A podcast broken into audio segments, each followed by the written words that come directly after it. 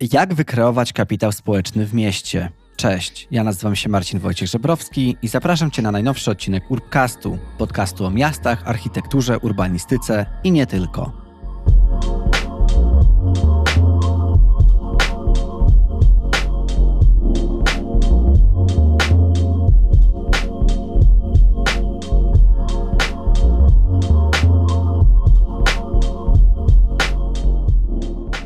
A w dzisiejszym 98 już odcinku zbliżamy się do setki. Już kolejny odcinek będzie tym wyjątkowym, setnym odcinkiem w podcaście. I z tego miejsca chciałem Ci bardzo podziękować za to, że słuchasz tego podcastu i właśnie dzięki Tobie może mm, ten podcast się tak mocno rozwijać, no i przekroczyć już za chwilę tę magiczną barierę 100 odcinków. A dzisiaj porozmawiamy o kapitale społecznym w mieście – a osobą, która nam o tym opowie, będzie Adam Chyliński, czyli certyfikowany placemaker, badacz miejski, członek Eco Avengers przy Polskim Związku Firm Deweloperskich. Porozmawiamy o tym, jak buduje się społeczny kapitał w mieście, czym on się cechuje, jakie są do tego narzędzia, czym ten kapitał w ogóle jest, ale zaczniemy od pojęcia placemakingu, czyli tak naprawdę na czym polega tworzenie miejsc w, w mieście, czym jest ten placemaking, jak właśnie jest związany z tworzeniem kapitału społecznego, no i jak dzięki temu placemakingowi powstają przestrzenie publiczne, a nawet całe budynki. Na koniec porozmawiamy też o marketingu miejsca, bo to jest coś, co było taką główną inspiracją do mojej rozmowy z Adamem, bo bardzo interesuje mnie to, jak właśnie miasta umyślnie, w sposób zaplanowany lub może w sposób przypadkowy mogą wypromować swoją markę, swój dobry miejski design w taki sposób, żeby albo polepszyć jakość życia w mieście, albo żeby miasto gdzieś tam po prostu wybrzmiało na, na mapie całego świata. I o tym właśnie będzie też druga część tej naszej rozmowy. Jeśli ten podcast jest dla Ciebie ciekawy, sprawia Ci przyjemność i daje Ci wartość, pamiętaj, że możesz go wspierać na serwisie Patronite, gdzie dowolnie wybraną przez siebie kwotą możesz wesprzeć mój podcast, no i dzięki Tobie podcast ten będzie się dalej niezależnie rozwijał. A teraz zapraszam już na najnowszą rozmowę z Adamem.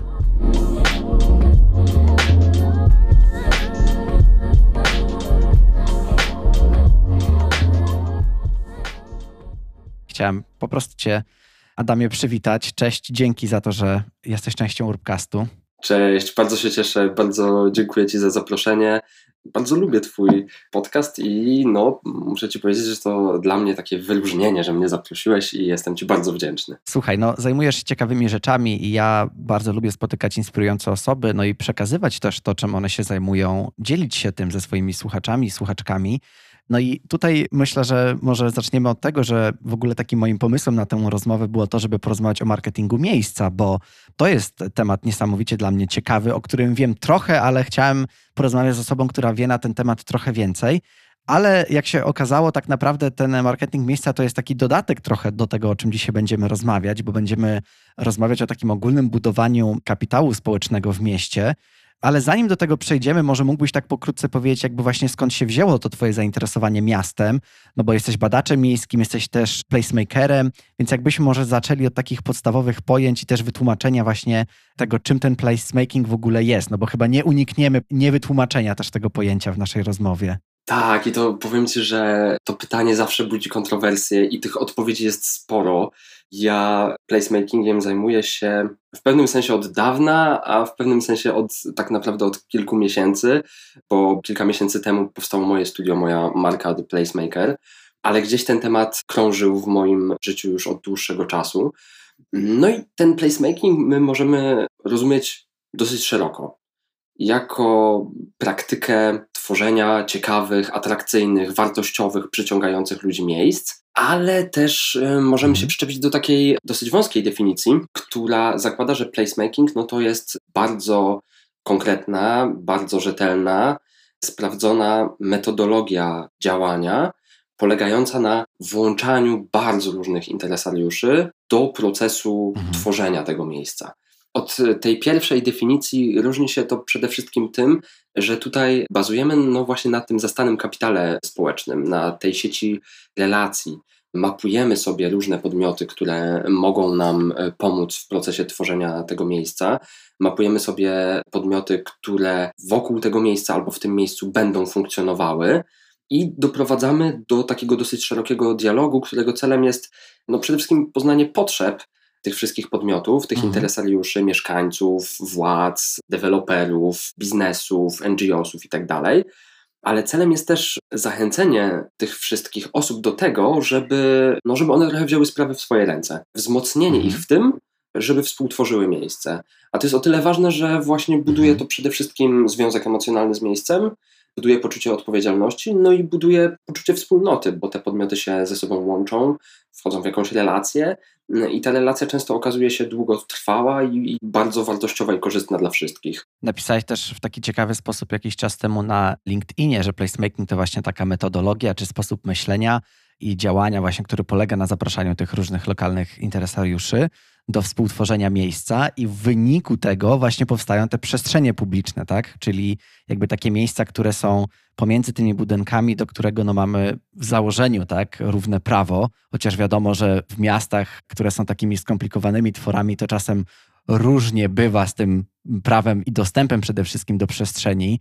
Nie będę już tutaj wchodził w jakieś różne podziały i konflikty, rowerzyści czy piesi kontra osoby, które się poruszają samochodem i zostawiają te samochody w miejscach jakichś takich publicznych, no bo to myślę, że jest w ogóle temat na osobny odcinek. Ja chciałbym się Ciebie zapytać o to, jak my się tego miasta możemy nauczyć i takiej odpowiedzialności za miasto, bo myślę, że właśnie to, co jest dla mnie bardzo ciekawe, to czym ty się zajmujesz, to właśnie tym takim społecznym kapitałem w mieście. No i uzgodniliśmy, że to w ogóle jest tak ciekawy temat, że warto by go poruszyć w tym dzisiejszym odcinku.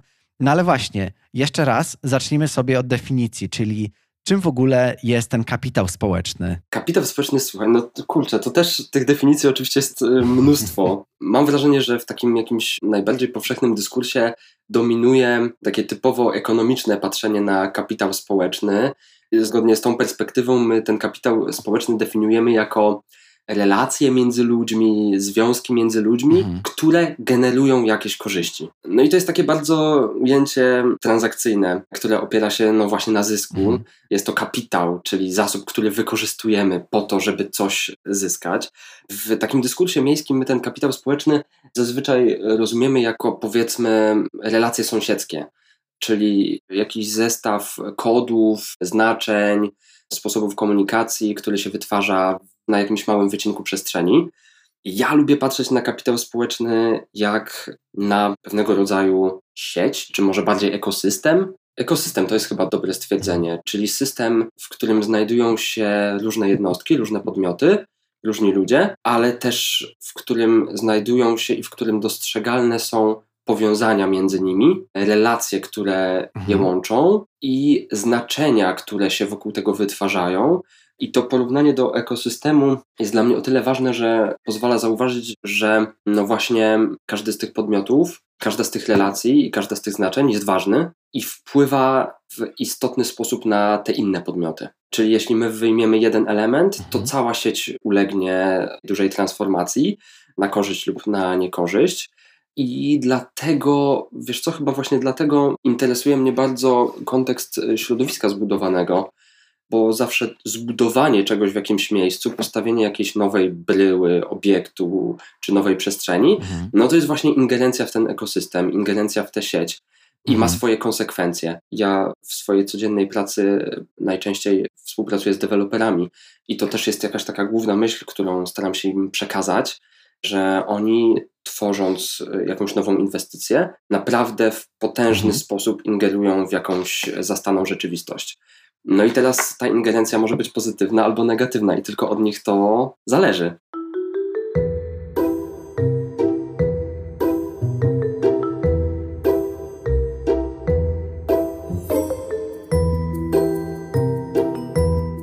Za chwilę też o tym porozmawiamy, jak deweloperzy mogą inwestować właśnie w ten lokalny kapitał społeczny, żeby wyszło z tego coś takiego pozytywnego, a nie protesty tak, e, okolicznych mieszkańców.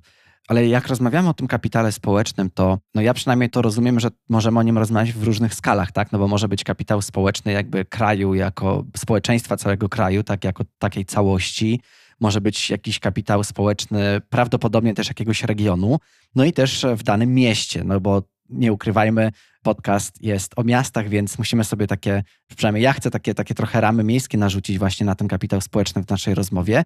I powiedz proszę, jak rozmawiamy właśnie o kapitale społecznym stricte w mieście, to czy on ma jakieś swoje takie specyficzne cechy? Ja wiesz co, ja nawet bym poszedł jeszcze dalej, czy jeszcze zawęził te poszukiwania, bo moim zdaniem mhm. kapitał społeczny najlepiej się manifestuje właśnie na najmniejszych wycinkach przestrzeni. Dla mnie kapitał społeczny ma taki realny wymiar przede wszystkim w dyskusji, która skupia się na powiedzmy osiedlu, czy dzielnicy, czy na jakimś kwartale, dlatego że na tej przestrzeni my jesteśmy w stanie rzetelnie i jakoś realnie odtworzyć te wszystkie powiązania, o których Ci mówiłem. Zauważ, że jeśli mówimy mhm. o kapitale społecznym, nie wiem, w skali kraju, no to bardzo trudno jest y, stworzyć taką mapę. Bardzo trudno jest dostrzec tę sieć i wtedy zaczynamy bazować na pewnych uogólnieniach i wykorzystujemy mhm. różnorakie schematy myślowe. A kiedy my skupiamy się w naszej pracy na, czy w naszych poszukiwaniach na, na małym wycinku przestrzeni, no to okazuje się, że bardzo łatwo możemy, możemy odtworzyć sobie tę sieć relacji. Oczywiście jako człowiek z zewnątrz, czy badacz, czy nie wiem, czy placemaker, czy przedstawiciel samorządu, czy deweloper, my nigdy tak w pełni tych relacji i tej sieci nie odtworzymy, no ale możemy ją poznać. Zapytałeś o cechy tego kapitału społecznego i to jest, tak sobie myślę, bardzo trudne pytanie, bo oczywiście kapitał społeczny w każdym miejscu jest inny i inaczej się kształtuje, ma inne źródła i w inny sposób się przejawia. Natomiast z pewnością taką cechą wspólną różnych przestrzeni, w których obserwujemy kapitał społeczny, tą cechą wspólną są, jest wspólnota, o tak bym powiedział. Czyli chociażby zwykły dzień dobry na ulicy, czy kiwnięcie głową do e, mhm. sąsiada. O kapitale społecznym mówimy wtedy, kiedy pewne jednostki przestają być swobodnymi elektronami, tylko zaczynają się kumulować mhm. w jakąś zwartą grupę nawet jeśli ta grupa jest, jej granice są płynne, czy jej status jest taki mhm. niewyraźny, ale istnieje jakaś wspólnota ludzi i jakieś mhm. powiązania. Powiedz mi, jeśli ty realizujesz właśnie swoje projekty, właśnie takie placemakingowe, czy, czy też takie bazujące właśnie na, na rozwoju tego kapitału społecznego w mieście, to jak ty podchodzisz do takiej współpracy? No bo podejrzewam, że pracujesz w różnych miejscach, tak? I wspominałeś też, z czym się zresztą zgadzam, że, że ten kapitał społeczny też jest właśnie stworzony przez taką lokalność, tak? Przez ludzi, którzy się znają. No i zastanawia mnie to, jak na przykład pracujesz w jakimś obszarze, w jakimś mieście, w jakimś miejscu, w którym na co dzień nie mieszkasz, więc jesteś jakby takim outsiderem, ale no posiadasz też tą wiedzę z zakresu tego, jak właśnie ten kapitał rozwijać, jak tworzyć właśnie miejsca przyjazne do życia. To jaki jest Twój sposób na to, żeby zdobyć też zaufanie tych ludzi? No bo też ze swojego doświadczenia z działania w przestrzeni miejskiej uważam, że jest to bardzo trudne. To jest bardzo trudne i o ile nie niemożliwe. Ja mam mhm. bardzo podobne doświadczenia. Wydaje mi się, że jakby my jako eksperci, przedstawiciele samorządów, deweloperzy itd., tak itd., tak my oczywiście mamy pewne narzędzia, żeby wspierać ten kapitał i go wzmacniać, no ale jakby no tutaj główny ciężar, główna odpowiedzialność leży na przedstawicielach tej lokalnej społeczności. I, I tutaj powiem Ci szczerze, że moja refleksja jest taka, że jako osoba z zewnątrz, Ty nigdy nie, nie uzyskasz odpowiedniego zaufania, i raczej ja widzę, że większy sens ma taka praktyka, żeby poszukiwać i mapować lokalnych liderów społecznych i to z nimi pracować, a następnie przekazywać im pałeczkę, żeby to oni pracowali z lokalną społecznością. Ja to widzę chociażby po zmianach, których jestem świadkiem w moim mieście, w Gdyni. I zupełnie inna mhm. rozmowa jest w momencie, kiedy ja rozmawiam ze swoimi sąsiadami nad jakimś wspólnym projektem w przestrzeni publicznej z jakimiś tam okolicznymi biznesami czy interesariuszami. A zupełnie inna rozmowa jest w momencie, kiedy ja przychodzę na jakiś obcy teren, w cudzysłowie, i mówię: No, słuchajcie, zróbmy to i to, tak będzie super. No nie, nie. Tak. Jakby tutaj, tutaj trzeba trochę się pobawić w zabójcę ego i przekazać tę pałeczkę dalej. Dlatego ja też moją rolą w takich przestrzeniach, które nie są moimi naturalnymi środowiskami życia i działania, jest e, raczej consulting, pokazywanie jakiegoś kierunku, różnych możliwości, inspirowanie. Natomiast cała odpowiedzialność i cała praca tutaj leży po stronie społeczności i warto zdecydowanie mhm. bazować na jednostkach, które w tej społeczności się wyróżniają, które mają powera, które mają chęć działania i które pociągną za sobą tłumy. Wspominałeś już o narzędziach, właśnie jakimi można budować kapitał społeczny w mieście. Czy mógłbyś to rozwinąć i podać przykłady takich narzędzi? No to oczywiście zależy od tego, o jakiej skali my mówimy i kto te narzędzia mhm. stosuje, no bo, bo tutaj trochę innymi narzędziami będą dysponowały miasta, gminy czy jakieś samorządy lokalne. Innymi narzędziami będzie dysponował na przykład deweloper, a jeszcze innymi narzędziami będzie dysponował zarządca e, nieruchomości, mhm. który no, na przykład dysponuje przestrzenią biurową i chcąc ją uatrakcyjnić, też chciałby w jakiś sposób na tym kapitale społecznym bazować. Generalnie widzę kilka takich etapów, poziomów tajemniczenia pracy na kapitale społecznym. Mhm. Pierwszym z nich jest, jest design, czyli projektowanie, czyli projektowanie przestrzeni czy infrastruktury, która będzie sprzyjała relacjom. Drugi poziom to jest, powiedziałbym, chyba badanie, czyli badanie tych interesariuszy, badanie potrzeb, badanie mieszkańców i na tej podstawie tworzenie miejsc, które będzie odpowiadało na te, na te potrzeby i ten kapitał będzie budowało. Możemy też oczywiście na kolejnym etapie włączyć w te procesy różne podmioty i zachęcić ich do mhm. tego, żeby współtworzyli z nami dane miejsce i przez to współtworzenie budowali swoje relacje i budowali lokalny kapitał społeczny. Ale chyba takim najwyższym poziomem, takim poziomem, do którego warto dążyć, jest poziom wzmacniania lokalnej społeczności do tego, żeby ona sama budowała swój lokalny kapitał pokazywanie, inspirowanie i dawanie narzędzi do tego, żeby to ona brała rzeczywistość społeczną w swoje ręce i aktywnie ją współtworzyła. Oczywiście jakby no, samorząd siłą rzeczy będzie miał większe możliwości realizowania tego zadania niż chociażby deweloper. Chociaż mhm. deweloper też może w tym kontekście sporo zrobić. Takim przykładem są chociażby tak zwane domy sąsiedzkie czy świetlice sąsiedzkie, które są elastycznymi przestrzeniami, i mieszkańcy mogą je w pełni zaaranżować według swoich potrzeb i wykorzystać tak, jak e, aktualnie chcą. I powiem Ci, że coraz częściej deweloperzy na, na swoich osiedlach takie przestrzenie mieszkańcom udostępniają. I to jest właśnie przykład takiego wzmacniania.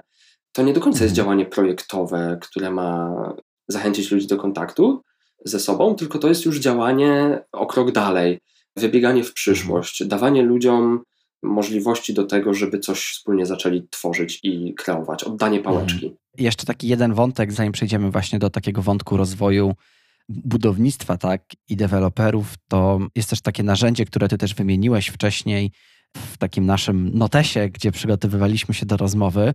Wspomniałeś też o neurourbanistyce i to jest szczególnie dla mnie ciekawe, bo e, rzeczywiście wcześniejszy odcinek właśnie z Natalią Olszewską był na temat neuroarchitektury, neurourbanistyki i tego, jak właśnie projektować dla naszych zmysłów. I pamiętam też właśnie, że pisałeś, że jest to dla ciebie taka bardzo ciekawa, inspirująca też rozmowa. Także właśnie jak jeszcze ta neurourbanistyka twoim zdaniem może tutaj wpływać na, na tworzenie takiego kapitału? Tak, to jest przeciekawy kontekst. Ja, ja ci od razu powiem szczerze, przyznam się te, też słuchaczom, że ja absolutnie nie jestem specjalistą od neuroarchitektury czy mhm. neurourbanistyki. Bardzo mnie ten temat y, fascynuje, bardzo mnie frapuje, jestem ciekaw tego, co, co się będzie działo w tym kierunku w przyszłości, bo, bo to się dopiero zaczyna rozwijać. Ale ja mam takie poczucie, że wiesz, że praca ze społecznością to jest trochę tak jak praca w mikroskali nad swoim e, życiem, że ty często mhm. musisz zacząć od siebie, żeby móc zacząć na przykład, nie wiem, osiągać sukcesy zawodowe, czy tworzyć dobre relacje z ludźmi. I tak samo jest chyba w skali takiej szerszej, czy osiedla, czy miasta, w takiej, jeśli mówimy już o takim kontekście społecznym, że inwestycja w jednostkę i rozwój jednostki zawsze, myślę, pozytywnie przełoży się na rozwój całej społeczności. Nawet jeśli nie dzisiaj, to być może jutro, a być może za kilka lat. Dlatego ja, ja, ja tutaj dużą nadzieję pokładam w neurourbanistyce, której celem no, jest jednak tworzenie miejsc, dzięki którym jednostki będą kwitły, będą się rozwijały, będą szczęśliwsze, ich dobrostan będzie wzrastał, ich, ich jakość życia będzie wzrastała, będą doświadczały pozytywnych emocji itd., tak itd. Tak I myślę, że jeśli ludzie będą funkcjonowali w takich przestrzeniach, to myślę, że to się zwróci też w postaci lepszych relacji z otoczeniem. Oczywiście nie mogę mieć co do tego pewności, podejrzewam, że nie jest to jeszcze no tak. dokładnie zbadane, ale, ale jest to taka moja osobista nadzieja na przyszłość.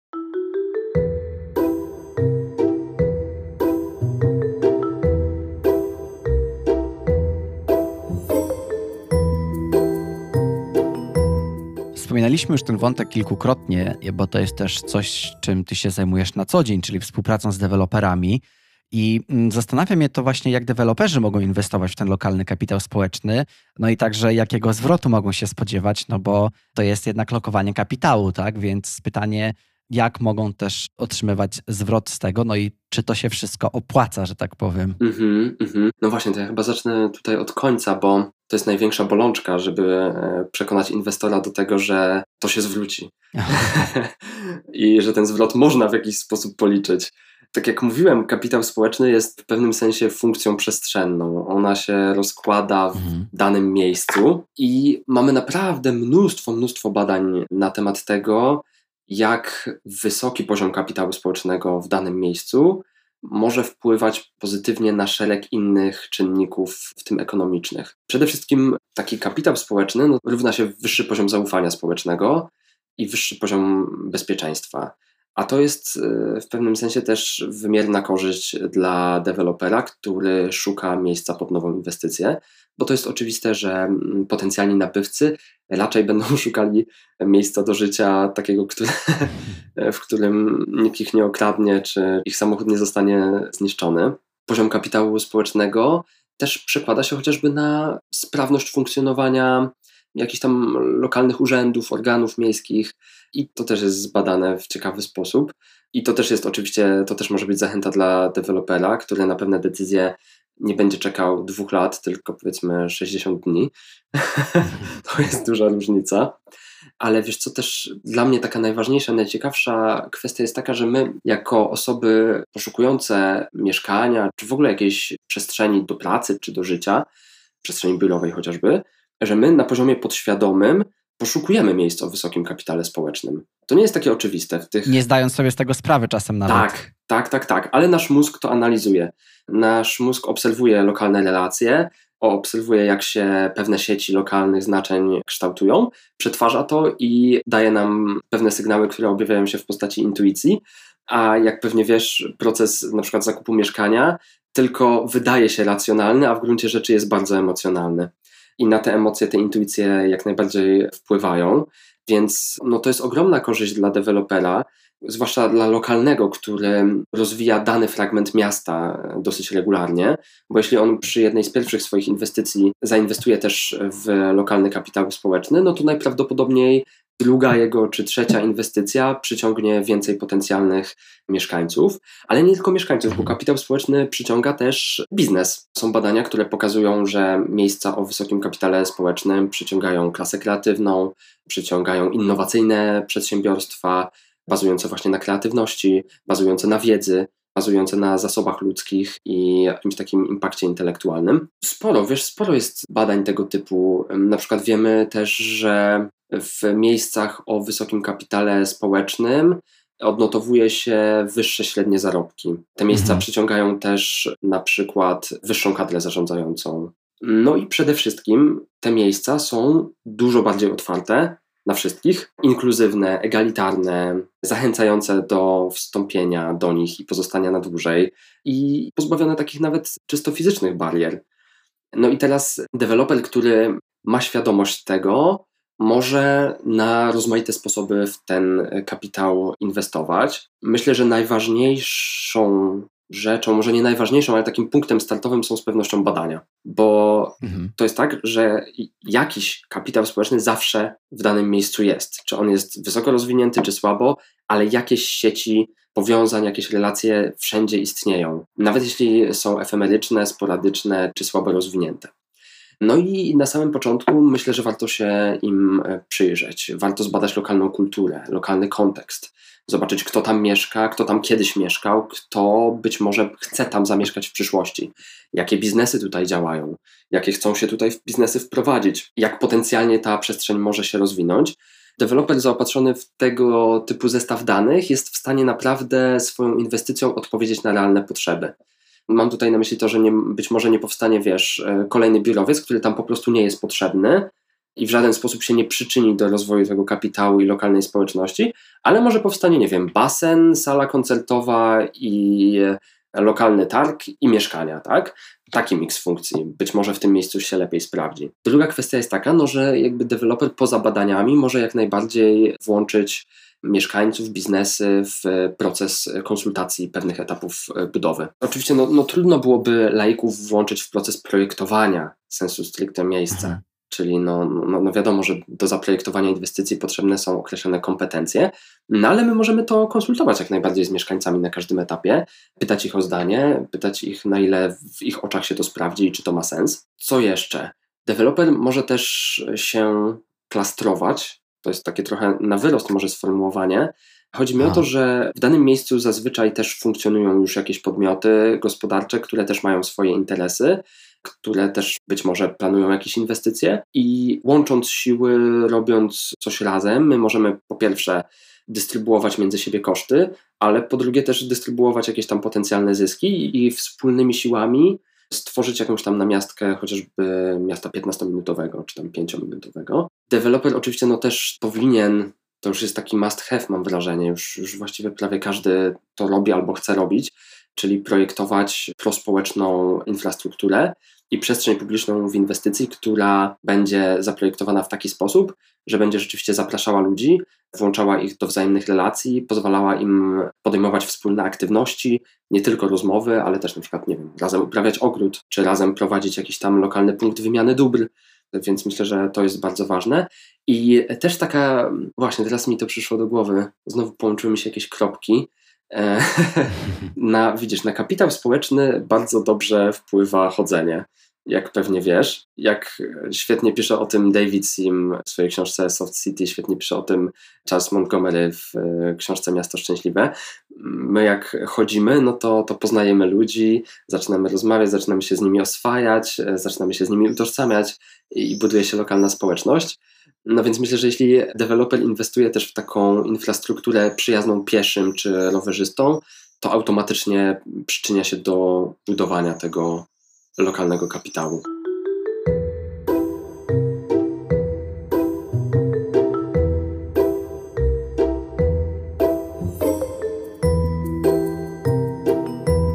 Wspominałeś też o tym, że taka inwestycja właśnie w kapitał przyciąga tą klasę kreatywną i od razu mi się przypomniała właśnie książka Richarda Floridy z 2002 roku, w którym on pisze właśnie o tym, że są takie trzy T, tak? czyli talent, tolerancja i technologia, które przyciągają tą klasę kreatywną do, do miast, no i że dzięki temu właśnie, dzięki tej klasie kreatywnej to miasto może się bogacić, rozwijać i tak dalej, to może też zostawię na inną rozmowę, bo on się potem z tego trochę wycofywał, tak, że to tak, tak, tak, może nie do końca. I swoją drogą e, chyba trzy lata temu opublikował książkę, która się nazywa New Urban Crisis, czyli trochę opisuje to, w jaką stronę to tak naprawdę poszło.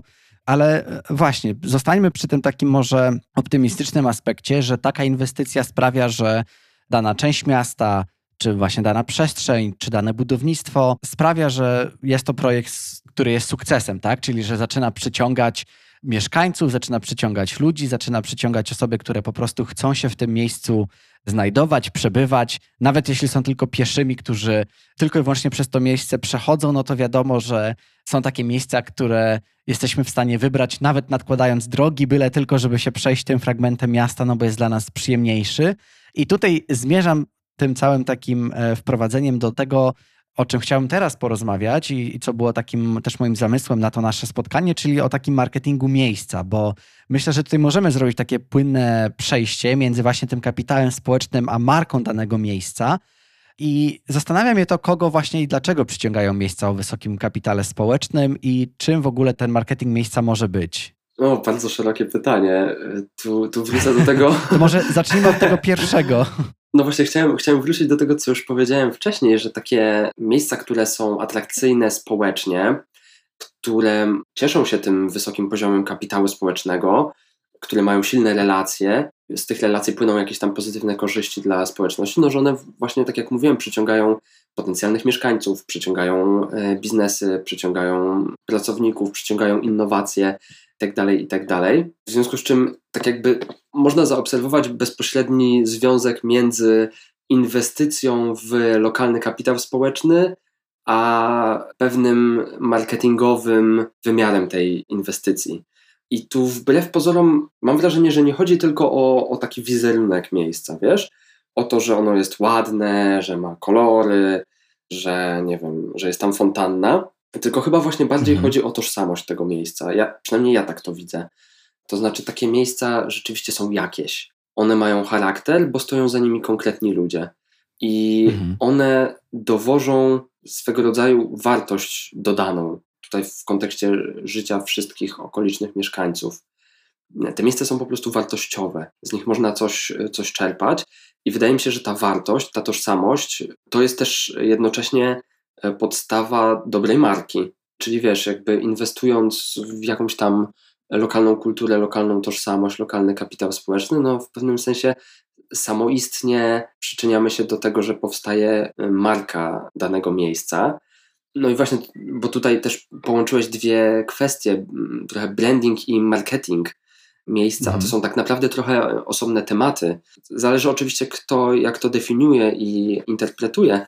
Natomiast no, no, właśnie dla mnie za marką stoi przede wszystkim jakaś jakość, jakaś wartość, jakiś nie tylko wizerunek, ale też, też jakiś sens i znaczenie tego miejsca dla ludzi. Mhm. No natomiast tutaj działania marketingowe, no to przede wszystkim są działania komunikacyjne, które mają tych ludzi przekonać, ale to też jest tak, że stworzenie wartościowego i dobrego miejsca, które jest jakieś, które bazuje na konkretnym kontekście, daje nam zestaw danych do tego, mhm. żeby stworzyć kampanię marketingową. Chociażby jest dzięki temu dużo łatwiej stworzyć potencjalny rys klienta w cudzysłowie, czyli osób, które my chcemy przekonać. No bo my wiemy, co to jest za miejsce, do kogo ono jest kierowane, kogo nam jeszcze tam brakuje, żeby stworzyć w pełni różnorodną, piękną i bogatą atmosferę. I dzięki temu też wiemy, no, no, do kogo kierować naszą ofertę. I to też jest ciekawe, bo ja widzę, że deweloperzy coraz chętniej na tym kontekście zastanym e, zaczynają bazować w swoich kampaniach marketingowych. Mhm. Browary warszawskie, szczególnie właśnie tereny, które są rewitalizowane. Te miejsca, gdzie my próbujemy tchnąć jakieś tam nowe życie na bazie już zastanej tkanki no to widzę, że, że to staje się ważnym elementem kampanii marketingowych. Czyli czy na przykład efekt Bilbao to jest bardziej taki przypadek brandingu, czy to jest przypadek, który ma jakiś związek z takim kapitałem społecznym i tą marką miejsca?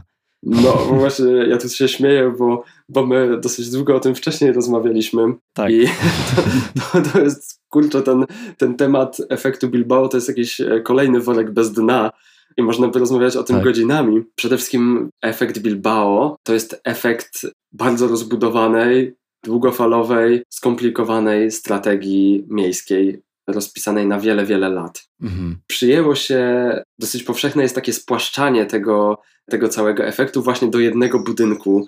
I nam się wydaje, że jak postawimy takie piękne muzeum, czy centrum konferencyjne, czy centrum jakieś wystawowe, no to automatycznie cały region dzięki temu odżyje.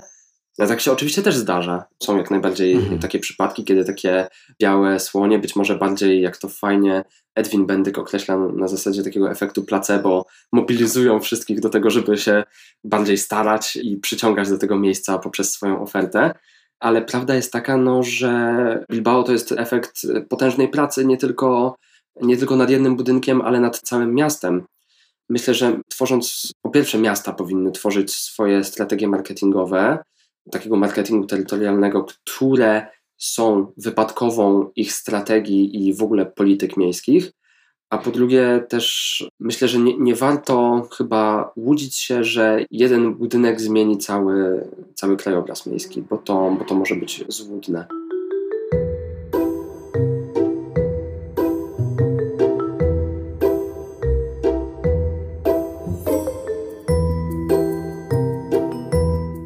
Czy może być tak, że właśnie taki, taki dobry miejski marketing, jakieś takie miejsce, które jest przyjemne do, do życia, czy właśnie bardzo przyciągające turystów, czy ono może powstać przypadkiem? No bo mówisz, że właśnie ten efekt Bilbao, no to, to się nie stało tak, że nagle powstał ten, no ty może już zostawmy walory architektoniczne, tak? Nie, niektórym się podoba, niektórym nie, no ale powstał taki budynek, no i to chyba w takim razie nie był od tak przypadek, tak, że nagle do miasta zaczęli po prostu przylatywać, przyjeżdżać turyści z całego świata? Kurczę, nie wiem, no, trudno powiedzieć. Myślę, że na pewno takie przypadki się znajdą gdzieś na mapie świata. Mhm. Myślę, że na pewno taki efekt można uzyskać nieintencjonalnie. e, niekoniecznie przypadkowo. Mhm. To znaczy, myślę, że inwestując w wartościowe miejsce, w momencie, kiedy naszym celem nie jest wprost marketing, tylko właśnie wsparcie dla lokalnej społeczności, czy rozwiązanie pewnych lokalnych problemów. Myślę, że jakby efektem tego może być nieintencjonalnym marketing, nawet chociażby całego regionu, ale mhm. czy, czy przypadkowo Pewnie tak, choć lepiej chyba myśleć strategicznie, zwłaszcza jeśli, jeśli e, tutaj no, staramy się, żeby, żeby te miasta funkcjonowały jakoś tam lepiej, żeby poprawiały tę jakość życia i były lepszymi miejscami do funkcjonowania na co dzień to raczej ja bym się tutaj na przypadki nie zdawał chyba. Słuchaj, Adam, wiem, że to jest kwestia bardzo szeroka, tak? E, tak jak mówisz zresztą o samym efekcie Bilbao, moglibyśmy porozmawiać przez jeszcze kilka kolejnych odcinków. Podobnym tematem dla mnie jest właśnie ta klasa kreatywna, która jest przyciągana do miast, o której też pisał Florida. To być może się musimy po prostu mówić na jeszcze kolejne spotkanie za jakiś czas. Natomiast na ten moment chciałem Cię jeszcze poprosić na koniec o polecenie książkowe. Czy mógłbyś właśnie polecić coś, być może właśnie luźno związanego z tematem naszej dzisiejszej rozmowy? Mm-hmm, mm-hmm. Ja się w ogóle długo zastanawiałem nad tym. E, książek o samym placemakingu jest sporo. Jest też sporo publikacji o kapitale społecznym, z tym, że w większości to są opracowania naukowe, mm-hmm. które niezbyt przyjemnie się czyta. I ja też paradoksalnie poszedłem w opracowanie naukowe, w rozprawę doktorską, mhm. którą chciałbym polecić słuchaczom, ale napisaną bardzo przystępnym językiem, bardzo wciągającą i intrygującą. Jest to rozprawa pod tytułem Producing Spaces, Changing Places, The Role of Play Gregorego Musa. I to jest e, książka, która moim zdaniem jest e, świetnym przyczynkiem do, do zmiany paradygmatu, do zmiany mindsetu i sposobu myślenia o, o przestrzeni, bo ona pokazuje jak dużą rolę w naszym codziennym funkcjonowaniu w mieście odgrywa zabawa. To jest dla mnie szczególnie ważne też w pracy placemakingowej. To jest ważne, żeby te miejsca po prostu, żeby proces powstawania tych miejsc był przyjemny, był angażujący, był ciekawy, był zabawny, był fajny. I Muse tutaj bardzo ciekawe o tych kontekstach pisze. I co ciekawe, na podstawie tej rozprawy Napisał też książkę mhm. Transforming Public Space Through Play. Ja jej jeszcze niestety nie czytałem, więc no, nie, nie mogę jej tutaj polecić, ale z rozmów z nim wiem, że ta książka no, zdecydowanie odchodzi od takiego języka naukowego i bardziej tutaj autor w niej operuje przykładami, jakimiś konkretnymi propozycjami rozwiązań, i, I, myślę, że to dla, dla słuchaczy też może być ciekawa pozycja. Niestety nie jest dostępna w języku polskim. Jak tak zapowiadałeś swoje polecenie, to myślałem przez chwilę, że może polecisz też książkę dr Anny Domarackiej, Klucze do miasta, bo to jest też właśnie książka powiązana tak, z tematem, bo książka o takiej społecznej aktywności i jej roli w kształtowaniu rozwoju polskich miast. I to jest też właśnie jeśli się nie mylę, rozprawa doktorska, która została opublikowana w formie książki, też właśnie w takim bardzo przystępnym języku. I myślę, że to jest bardzo ciekawe i ważne, jeśli osoby właśnie ze środowiska akademickiego też jakby owoce swojej pracy publikują w takiej przystępnej formie też książkowej, no bo to, to myślę, że naprawdę może nam e, wiele pomóc, tak, e, bardzo pomóc zrozumieć to, czym się zajmują. No i w kontekście tutaj też Twojego polecenia, no to na pewno sprawdzę, bo, bo bardzo często właśnie sięgam, czy zamawiam, czy czytam te polecenia moich gości, także myślę, że nie inaczej będzie w tym wypadku. Także bardzo Ci za to polecenie dziękuję. W imieniu swoim, jak i słuchaczy. Możemy nawet, e, słuchaj, e, link do, e, do tej rozprawy umieścić w, w komentarzu do, do podcastu gdzieś tam w, w, social mediach, bo, bo to jest dostępne w internecie w formie PDF-a. No, książka niestety trochę kosztuje, bo, bo jest wydana, wydaje mi się, że w Australii ale rozprawa jest dostępna za darmo. To jak najbardziej dodamy to do opisu tego odcinka. A póki co, Adam, chciałem Ci bardzo podziękować za nasze spotkanie, za podzielenie się tym, czym się zajmujesz, no i za uchylenie trochę takiego e, rąbka tajemnicy, co stoi za tym kapitałem społecznym. I ja zdaję sobie sprawę, że to jest bardzo szeroki temat i że moglibyśmy jeszcze o nim długo rozmawiać, natomiast mam nadzieję, że po prostu to nam pozostanie jeszcze na nasze kolejne spotkania w sieci, ale także może i na żywo, być może na WUFie na Światowym Forum Miejskim. Mam nadzieję, mam nadzieję i od razu wszystkich zapraszam, bo też będę i będzie się dużo działo, naprawdę. Myślę, że to będzie genialna, genialna impreza i super okazja do spotkania i porozmawiania też chociażby o kapitale społecznym czy o placemakingu. I Tobie oczywiście, Marcin, bardzo, bardzo serdecznie dziękuję za zaproszenie i za ciekawe, trafne pytania też mam nadzieję, że to nie jest nasze jedyne spotkanie. Dzięki wielkie w takim razie. No i co, myślę, że do zobaczenia w Katowicach. Do zobaczenia.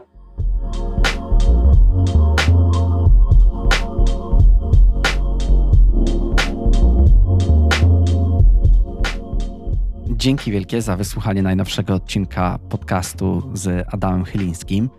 I tak jak zresztą mówiłem w samej rozmowie, powtórzę to chyba jeszcze raz, że zdaję sobie sprawę, że no, temat jakby kształtowania tego, jak wygląda nasze miasto, tak, temat samego kapitału społecznego w miastach, to jest temat bardzo szeroki. Ja jestem jakby świadomy tego, że format podcastu jest jaki jest i staram się go trzymać, więc nie rozszerzyliśmy tego tematu tak, żeby poruszyć ten temat jakby z każdej możliwej perspektywy i Mam nadzieję w takim razie, że po prostu tą rozmową zachęciłem też razem z Adamem Ciebie do tego, żebyś sprawdził lub sprawdziła, czy poleconą książkę, czy po prostu, żebyś poczytał lub poczytała trochę więcej na ten temat, bo bardzo istotne to jest to, jak wpływamy na swoje miasto, jak możemy właśnie rozwijać ten, ten kapitał społeczny w naszych miastach, żeby te nasze miasta stawały się jeszcze bardziej przyjazne do życia.